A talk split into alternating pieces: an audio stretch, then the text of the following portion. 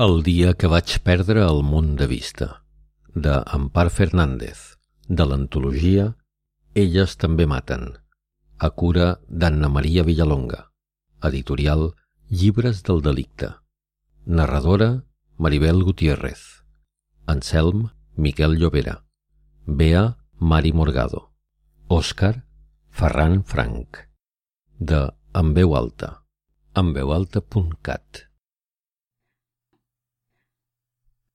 Cambrians, dimarts 15 d'octubre de 2013. Mai no he tingut gaire sort. No sóc una dona bonica, tampoc no sóc una persona especialment lletja ni mancada de talent.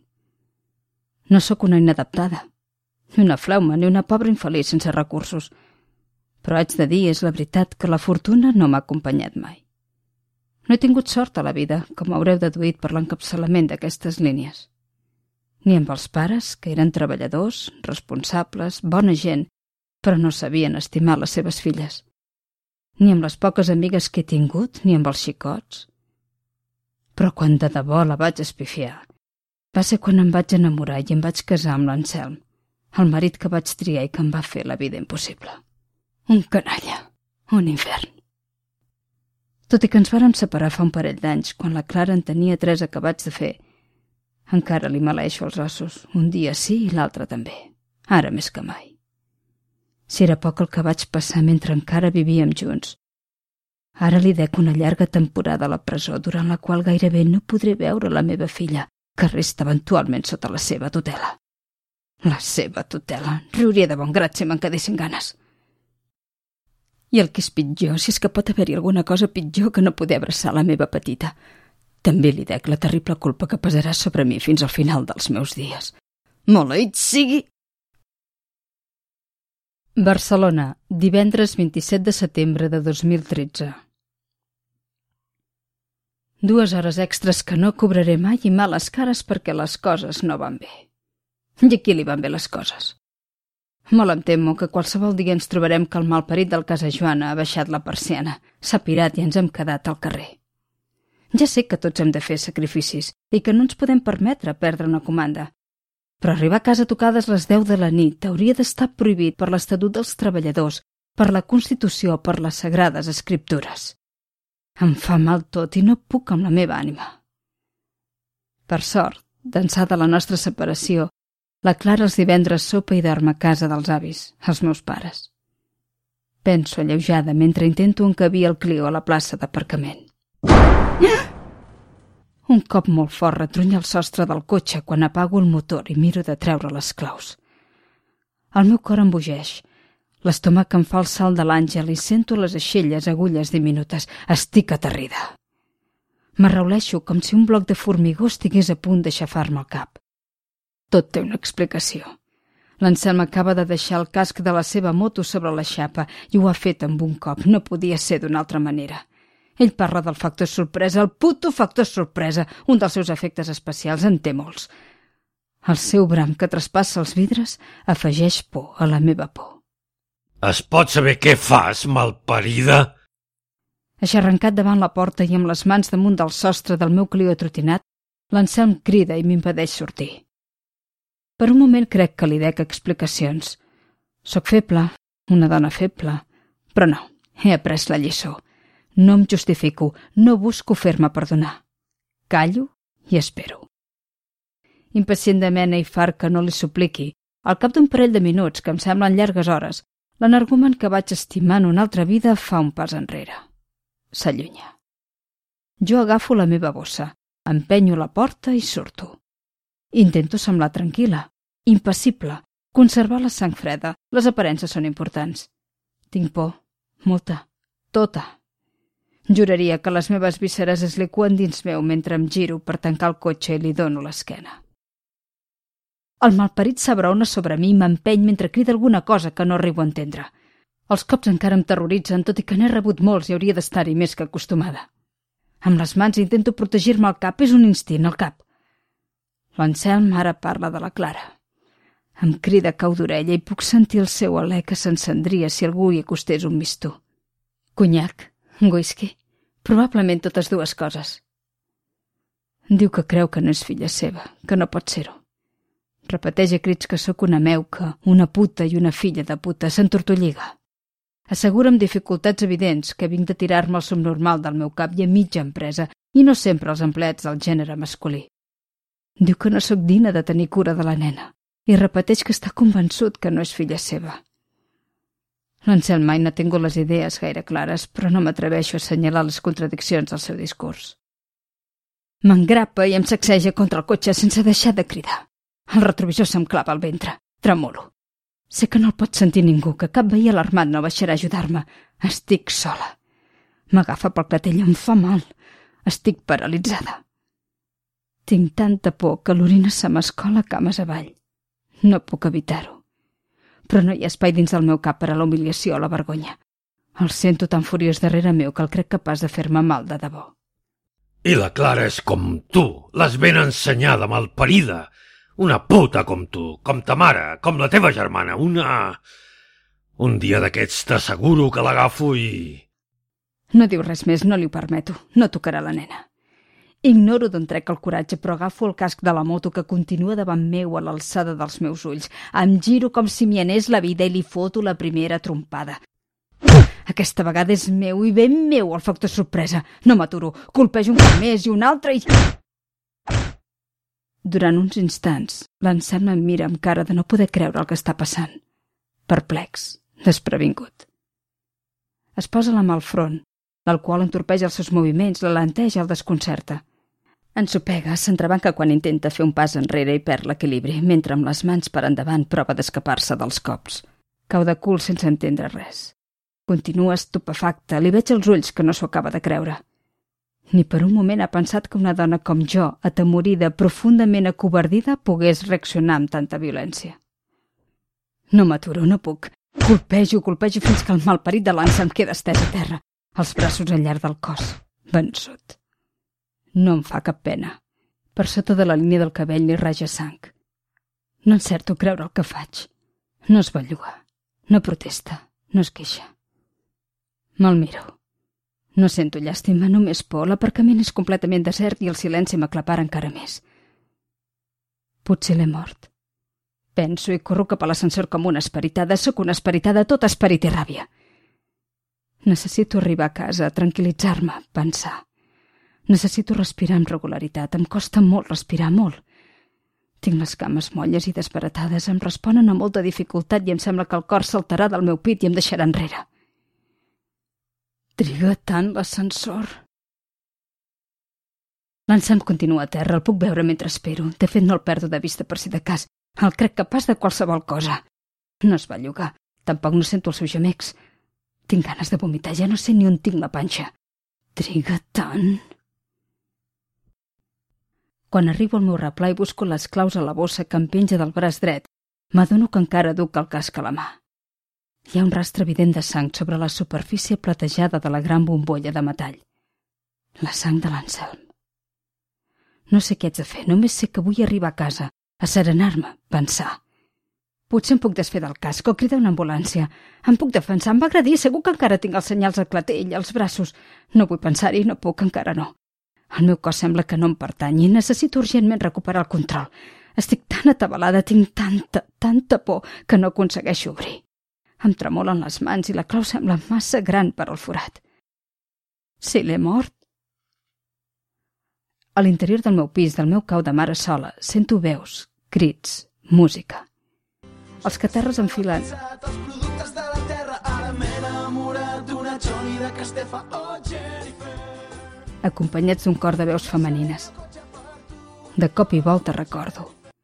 Tot plegat sembla un malson, el fruit de la ment d'un pertorbat. No és així. Fa dies que la meva germana va demanar que li deixés la casa per celebrar-hi el seu comiat de soltera. Vaig accedir a contracor. Fa temps que no estic per festes, però no podia negar-m'hi. La Bea, la meva germana petita, no té casa pròpia, ni feina, ni perspectives. I el Víctor, que és un bon noi, cobra un sou de merda en una assessoria fent més hores que un rellotge. Aniran a viure amb els pares del seu xicot. La Bea viurà amb els sogres. Diu que ja li està bé. Pobre. Entro provant de no fer gaire soroll i deixo el casc al passadís en un racó. Haig de pensar què em faig. Obro la porta de vidre i trec el cap al menjador. Somric i em sorprenc a mi mateixa assegurant que fa una estona que he arribat i que estava a la meva habitació. Afegeixo a tall d'explicació que estic molt cansada, que necessito una dutxa i que després ja faré una copa molt de gust. Menteixo, encara no sé per què ho faig. La Bea somriu, porta un cor enorme i ben vermell damunt del cap, enganxat a una diadema de plàstic i té els ulls enterbolits per l'alcohol. A la taula quatre ampolles de cava buides, paper de regal, un munt de garlandes i les restes dels canapés que han preparat per l'ocasió. T'esperem, Marga. Hem de brindar. Sobre el seu cap el cor es belluga endavant i endarrere. Millor un cor que un penis rosat que es balanceja. Penso i li torno el somriure. El cotxe per tu, oh Jennifer. Em tanco al lavabo mentre un cor de veus distorsionades per les riallades i les copes de cava canta capella.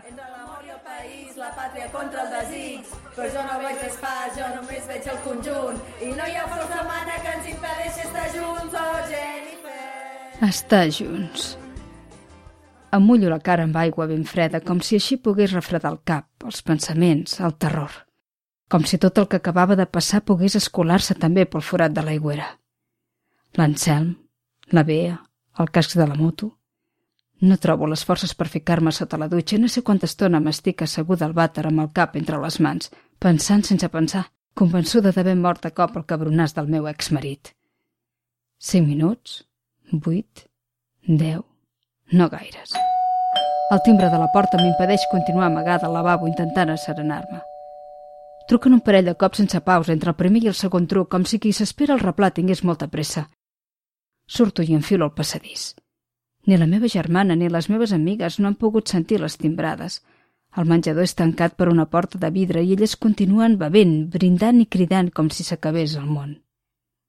Jo, amb les cames tremoloses, sento que el món s'acaba. Mentre avanço en direcció a la porta, em passa pel cap que el psicòpata de l'Anselm no és mort, que és ben viu i que ha vingut a venjar-se. Tornen a trucar i ho fan novament dos cops seguits.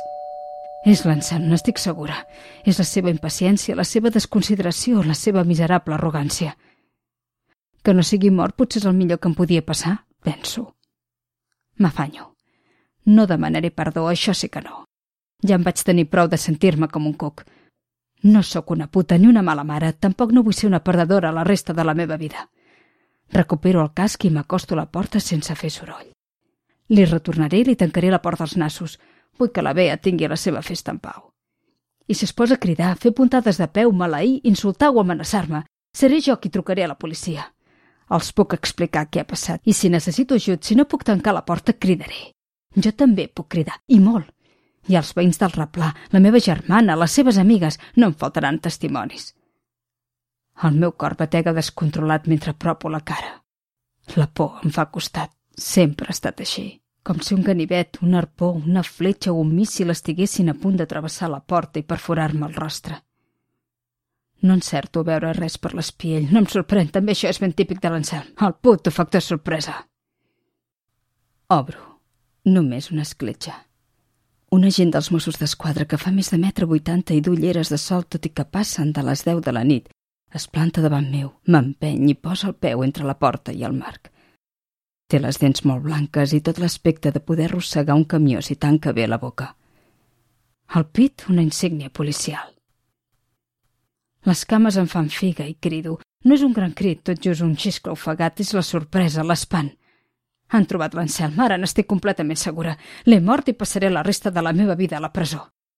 Tot i que ho intento amb totes les meves forces, no puc tancar. El mosso d'una llibreteta a les mans i els llavis al somriure burleta de qui té la paella pel mànec. Eh, Soc l'agent. No arribo a entendre el seu nom, no l'escolto, tampoc no importa. Necessito parlar amb la senyoreta... Gargamelleja sonorament i continua somrient com si se'n fotés, com ho fan els polis prepotents a les pel·lícules. La senyora o senyoreta... No he tractat gaires polis, però pel seu somriure sorneguer aquest fa pinta de no tenir compassió.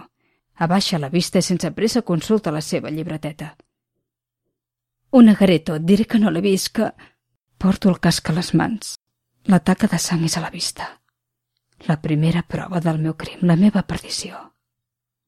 Penso en la Clara. No puc permetre, No puc anar a la presó. Obro la porta i mentre l'arrogant agent encara passa fulls amb parsimònia m'hi abraono amb el casc per endavant. No puc anar a la presó, senzillament no puc.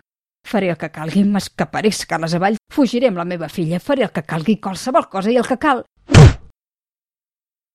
La gent no s'espera el cop que li arriba a l'alçada del pit. No és a temps de reaccionar. Fa una passa mentre cau d'esquena, ha separat els braços i la llibreteta salta pels aires. Té els ulls esbatanats, crida i mira enrere, però no pot fer res. El seu és un crit curt, agut, ofegat. La necessitat d'auxili i el terror comprimits en un mateix xiscle. Jo també xisclo. No hi ha res a fer, no pot evitar-ho, és massa tard i la postura resulta impossible. Ha girat el cap.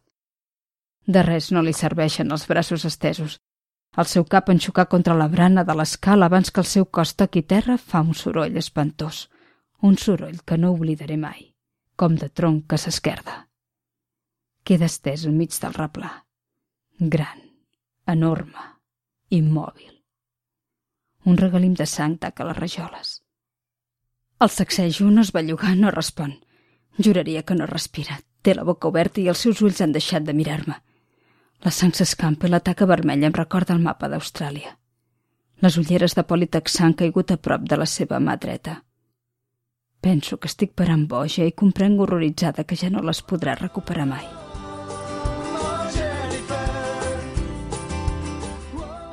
La Gertrudis, la meva veïna, treu el cap per la porta.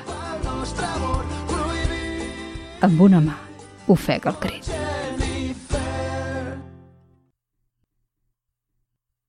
Cambrians, dimarts 15 d'octubre de 2013. Si aquell mal home amb qui em vaig casar no m'hagués fet perdre el món de vista, aquella maleïda nit me n'hauria donat. N'estic segura. No sóc roca i tinc ulls a la cara. Si pogués tornar enrere. Si hagués pogut asserenar-me si... Però tenia tanta por. Estic convençuda que me n'hauria donat que la insígnia policial que la gent lluïa al pit era una estrella de xèrif de les que porten els nens quan es disfressen de cowboys. Hauria pogut advertir que duia un cinturó massa ample amb un cap de serp a la civella, que la camisa era massa estreta i que no cordava completament, que els camals dels pantalons no tancaven del tot i que es podia veure el velcro a la part baixa a tocar de la vora. També m'hauria donat que la pistola que portava a la cintura era molt gran i de plàstic i que el seu nom era un reclam. Màxim Volcano. Un nom artístic, una botada. Tot això i alguna cosa més hauria pogut veure de no haver perdut el món de vista aquella nit. La nit del dia que vaig matar involuntàriament l'Òscar Castro i el seu alter ego, el Màxim Volcano. La nit que el meu cop el va sorprendre somrient amb petulància, completament desprevingut i amb la guàrdia baixa. L'Òscar Castro era un jove vigorèxic de 29 anys. S'havia llicenciat en filosofia i no trobava feina enlloc, com era lògic. Pel que sembla, el món fa temps que ha deixat de necessitar filòsofs. Encara vivia amb la seva mare no gaire lluny de casa meva i feia mesos que es guanyava la vida treballant d'estripar. Ara que ho penso, li esqueia l'uniforme. Maleït sigui!